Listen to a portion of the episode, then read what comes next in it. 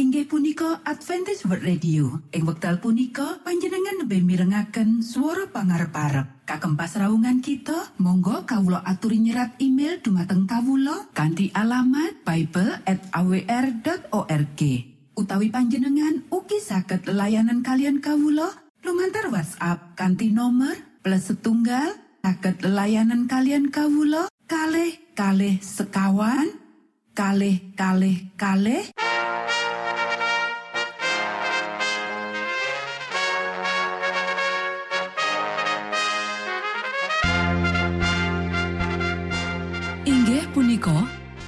Adventis World Radio ingkang giaran kanti basa Jawi.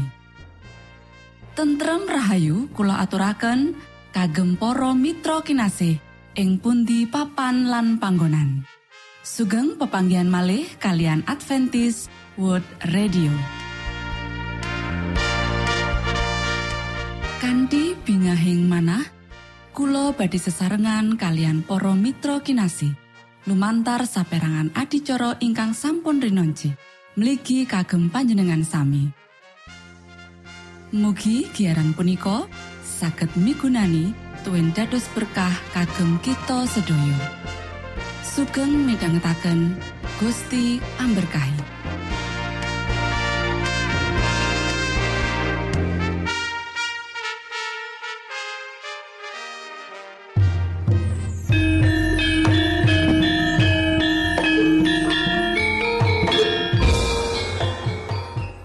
Para pamirsa kinasih ing Gusti Yesus Kristus. Ing wekdal punika kita badhe sesarengan ing adicara ruang kesehatan. Ingkang saestu migunani kagem panjenengan saha kita sami. Tips utawi pitedah ingkang dipun aturaken ing program punika tetales dawuhipun Gusti ingkang dipunnyatakaken ing kitab suci. Semantan ugi sakehing seratan ingkang dipun wangsitaken dening Gusti Allah. Nanging saderengipun monggo kita sami midhangetaken kidung pujian.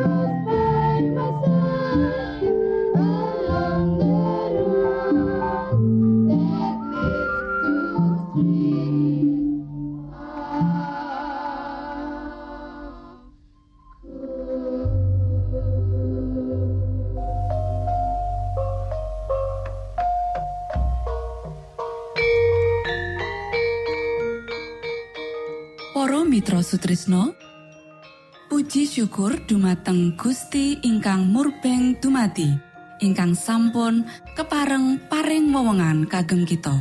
Satemah saged nglajengaken ruang kesehatan. Pirembakan kita semangke kanthi irah-irahan. Panyebab keringkian fisik lan mental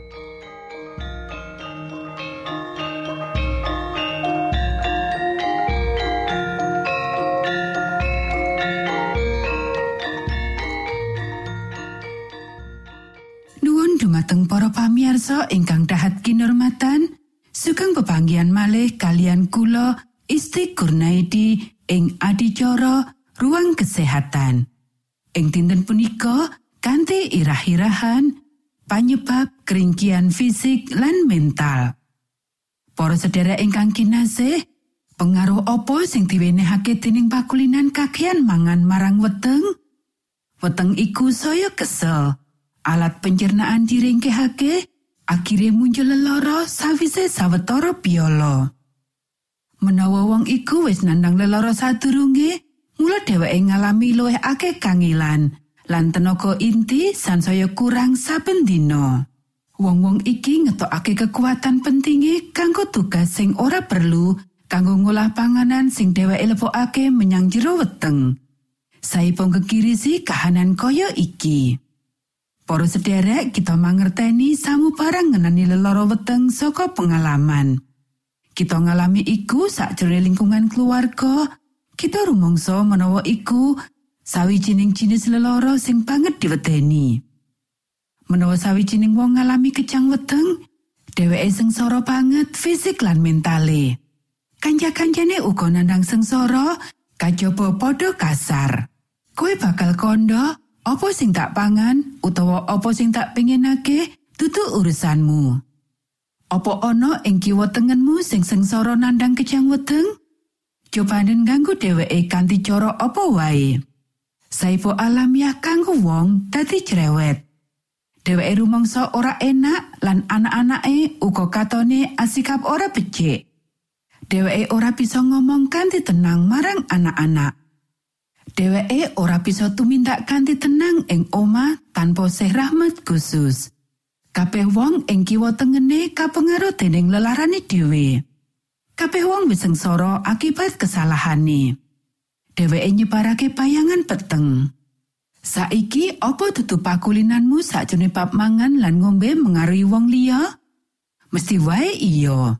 Mula kowe kudu ngati-ati ngrumat awakmu supaya tetap sehat ing kahanan sing paling apik supaya kowe bisa ngladeni Gusti Allah kanthi sampurno lan kowe bisa nglakokake kewajiban kanggo masyarakat lan keluarga.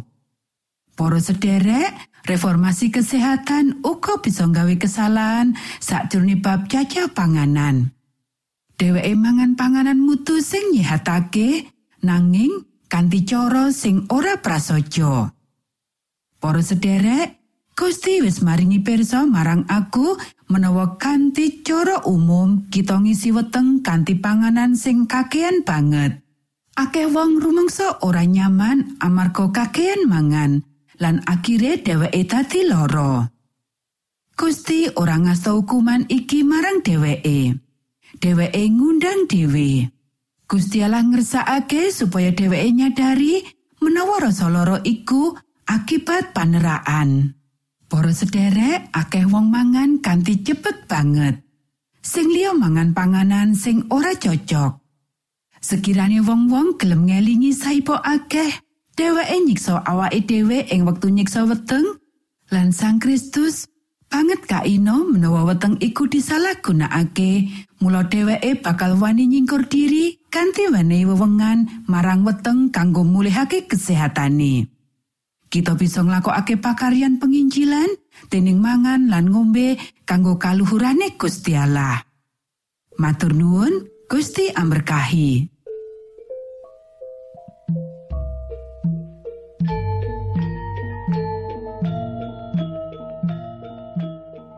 Cekap semanten pimbakan ruang kesehatan ing episode dinten punika Ugi sampun kuatos jalaran kita badhe pinanggih malih ing episode sak lajengipun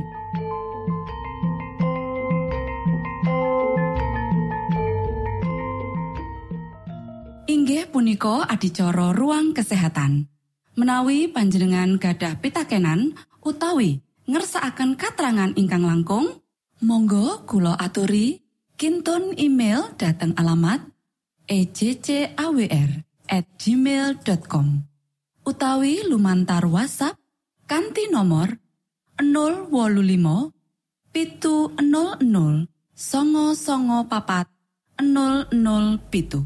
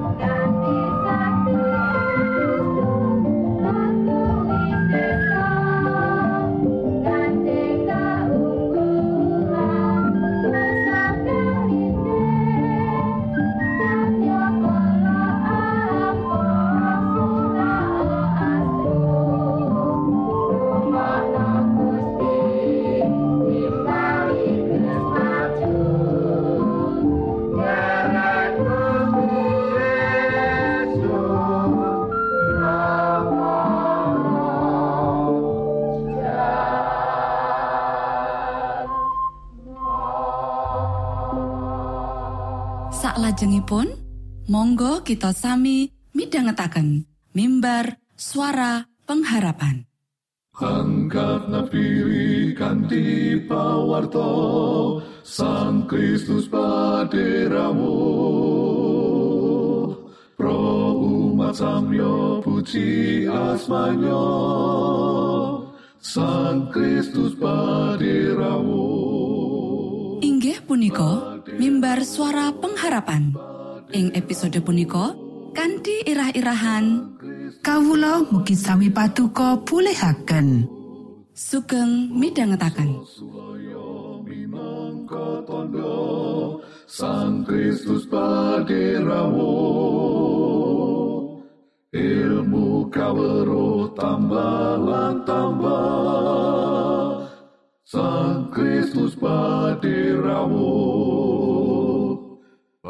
paderamu paderamu Sang Kristus paderamu Shalom para sedherek ingkang kinasih wonten ing Gusti. Sakmenika kita badhe mitangetaken renungan Sabto pangandikanipun Gusti. Ing dinten punika kanthi irah-irahan kawula mugi sami patuko pulihaken para sedherek ingkang kinasih ayo diwaca kitab Sabur pasal swidak ayat siji nganti pitu kanggo lurah pasinden miturut lagu kembang bakung paseksen. Miktam anggitani Prabu Dawud kanggo piwulang nalika perang karo polo Aram Mesopotamia lan wong Aram Soba. Sarto sause Senopati Yoab bali saka ngecak polo Edom ana ing lebak asin ngesorake mungsuh keherola sewu. Duh Allah, kawulo sampun sami patuko tampik. Benteng kawulo sampun patuko bedah. Patuko duka. Patuko mugi karsawa ndantosi kawulo. Bumi sampun patuko kunjingaken saha patuko belah. Ingkang pecah mugi patuko pulihaken malih awit bumi sampun gunjing. Umat patuko sampun patuko damel rekaos sanget. Kawulo sampun sami patuko ombeni anggur ingkang mendemi. Patuko sampun maringi umbul-umbul dumateng tiang-tiang ingkang ngabekti dumateng patuko. Minangka pratandha supados amping-amping ngoncati panah. Supados para ingkang patuko kasihi saged oncat, patuko mugi karsawa paring pangluaran kalian asta patuko tengen saha kawula mugi sami kaparingan wangsulan. Para sedherek ingkang kinasih, Sabur pangaduh kanthi umum dimengerteni dadi pantungane para wong-wong kang urip ing mangsa angel secara jasmani, karohanen utawa panembahan utawa kabeh katelune. Nanging babakan iki ora ateges kita nyingkiri jabur iki malah ing mangsa kang kebak katentreman. Kadangkala mbok menawa ana ketriwale antarane ukara ing sabur lan pengalamane para panembahan ing mangsa saiki. Tegese, sabur pangado iki bisa migunani kanggo para pasamuan kang ora nandang kacingkrangan lan kasisahan. Kapisan, kitab sabur iki bisa nuwuhake kesadaran yen kasangsaran minangka bagian saka pengalaman lumrahe manungsa. Lan kuwi katampa dening wong kang duraka uga wong kang mursid. Kitab Sabur uga maringi piandel marang kita menawa Gusti Allah tansah kagungan kendalen lan paring kekuatan tur paring dalan marang manungsa kang nandang karubedan. Malah ing Mazmur iki sanadyan ing tengah-tengah kasusahan, bumi sampun patuko kunjengaken saha patuko belah ingkang pecah mugi patuko pulihaken malih awit bumi sampun gunjing. Sabur pasal swita ayat papat. Juru Mazmur nuduhake pangarep-arep kang utamane ya iku pangluaran saka Gusti. Kang kapindo, sabur pangado iki paring piwulang marang kita supaya nduweni ambek welasan marang para wong-wong kang nandang kasangsaran. Nalika kita ngungkapake rasa kabingahan lan puji syukur marang Gusti Allah, mligine ana ing ngarepane wong akeh, kita kudu nduweni pangrasa marang sedulur kang nandang popo. Mestine kita mbok menawa duweni samu barang nyukupi nanging kita ngurmangsani uga marang sedulur kita kang nandang kasangsaran Tetungga kaya dene sabur iki bisa mitulungi kita kanggo ngelingi wong-wong iku kang nandang mangsa-mangsa angel. Kitab Sabur uga nuhake rasa sigra ing pengalih kita supaya ambek welasan lan mitulungi kanggo ngatosi kasangsaran kaya dene kang ditindakake Gusti Yesus. Para sederek, jagat iki minangka papan panggonane wong kang nandang syariat kang ombo. Ananging Sang Kristus rawuh kanggo nyarasake para wong loro, kanggo martakake pangluaran marang para tawanane iblis. Gusti Yesus piyambak kasarasan lan kekuatan. Gusti Yesus uga maringake kesange marang wong kang nandang loro, kang nandang kasangsaran lan kepanjingan demit. Gusti Yesus uga ora nampik sapa wae kang marak kanggo nampani kuasa kasarasane. Gusti Yesus pirsa, wong-wong kang nyuwun pitulungane wis nggawa lelara marang awake. Nanging Sang Kristus uga ora kira nampik kanggo nyarasake. Nalika kapecikan saka Sang Kristus ngrasuk ing jiwa kang kapesan iki, wong-wong iki kaensyafake saka dosane temah mratobat. Lan akeh kang kaparingan kasarasan saka lelara karohanen lan lelara raga. Para sederek, Injil isih kagungan kuasa kang padha. Lan kena apa kita ora nyaksekake asile kang padha ing wektu iki? Monggo kita sami ndedonga. Duh Rama kawula ingkang wonten ing swarga, asma patuko mugi kasucikaken. Kraton patuko mugi rawuh, karsa patuko mugi kalampahan wonten ing bumi kados dene wonten ing swarga. Kawula mugi kaparingan rejeki kawula sak cekapipun ing dinten punika.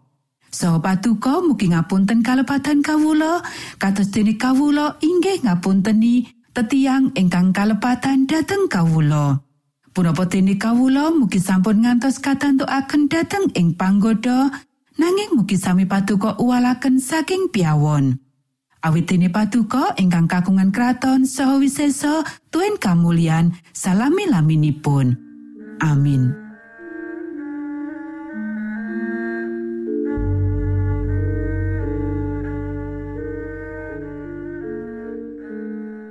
Mitra Sutrisno pamiarsa kinasih ing Gusti Yesus Kristus. Sampun paripurno pasamuan kita ing dinten punika. Menawi panjenengan gadah pitakenan utawi ngersaakan seri pelajaran Alkitab suara nubuatan Monggo Kulo aturi kinton email dateng alamat ejcawr gmail.com utawi lumantar WhatsApp kanti nomor 025 pitu 00 songo songo papat 00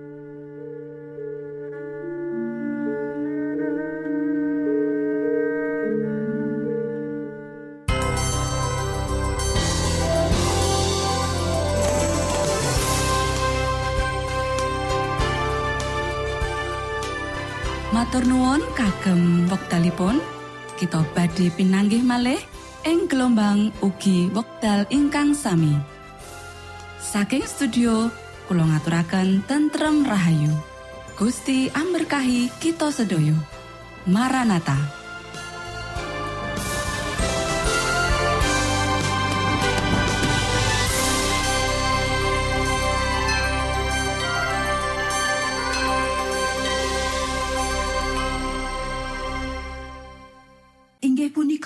Adventist World Radio. Ing wekdal punika panjenengan lebih mirengaken suara pangarep-arep. Kagem pasraungan kita, monggo kawula aturi nyerat email dumateng kawula kanthi alamat bible@awr.org.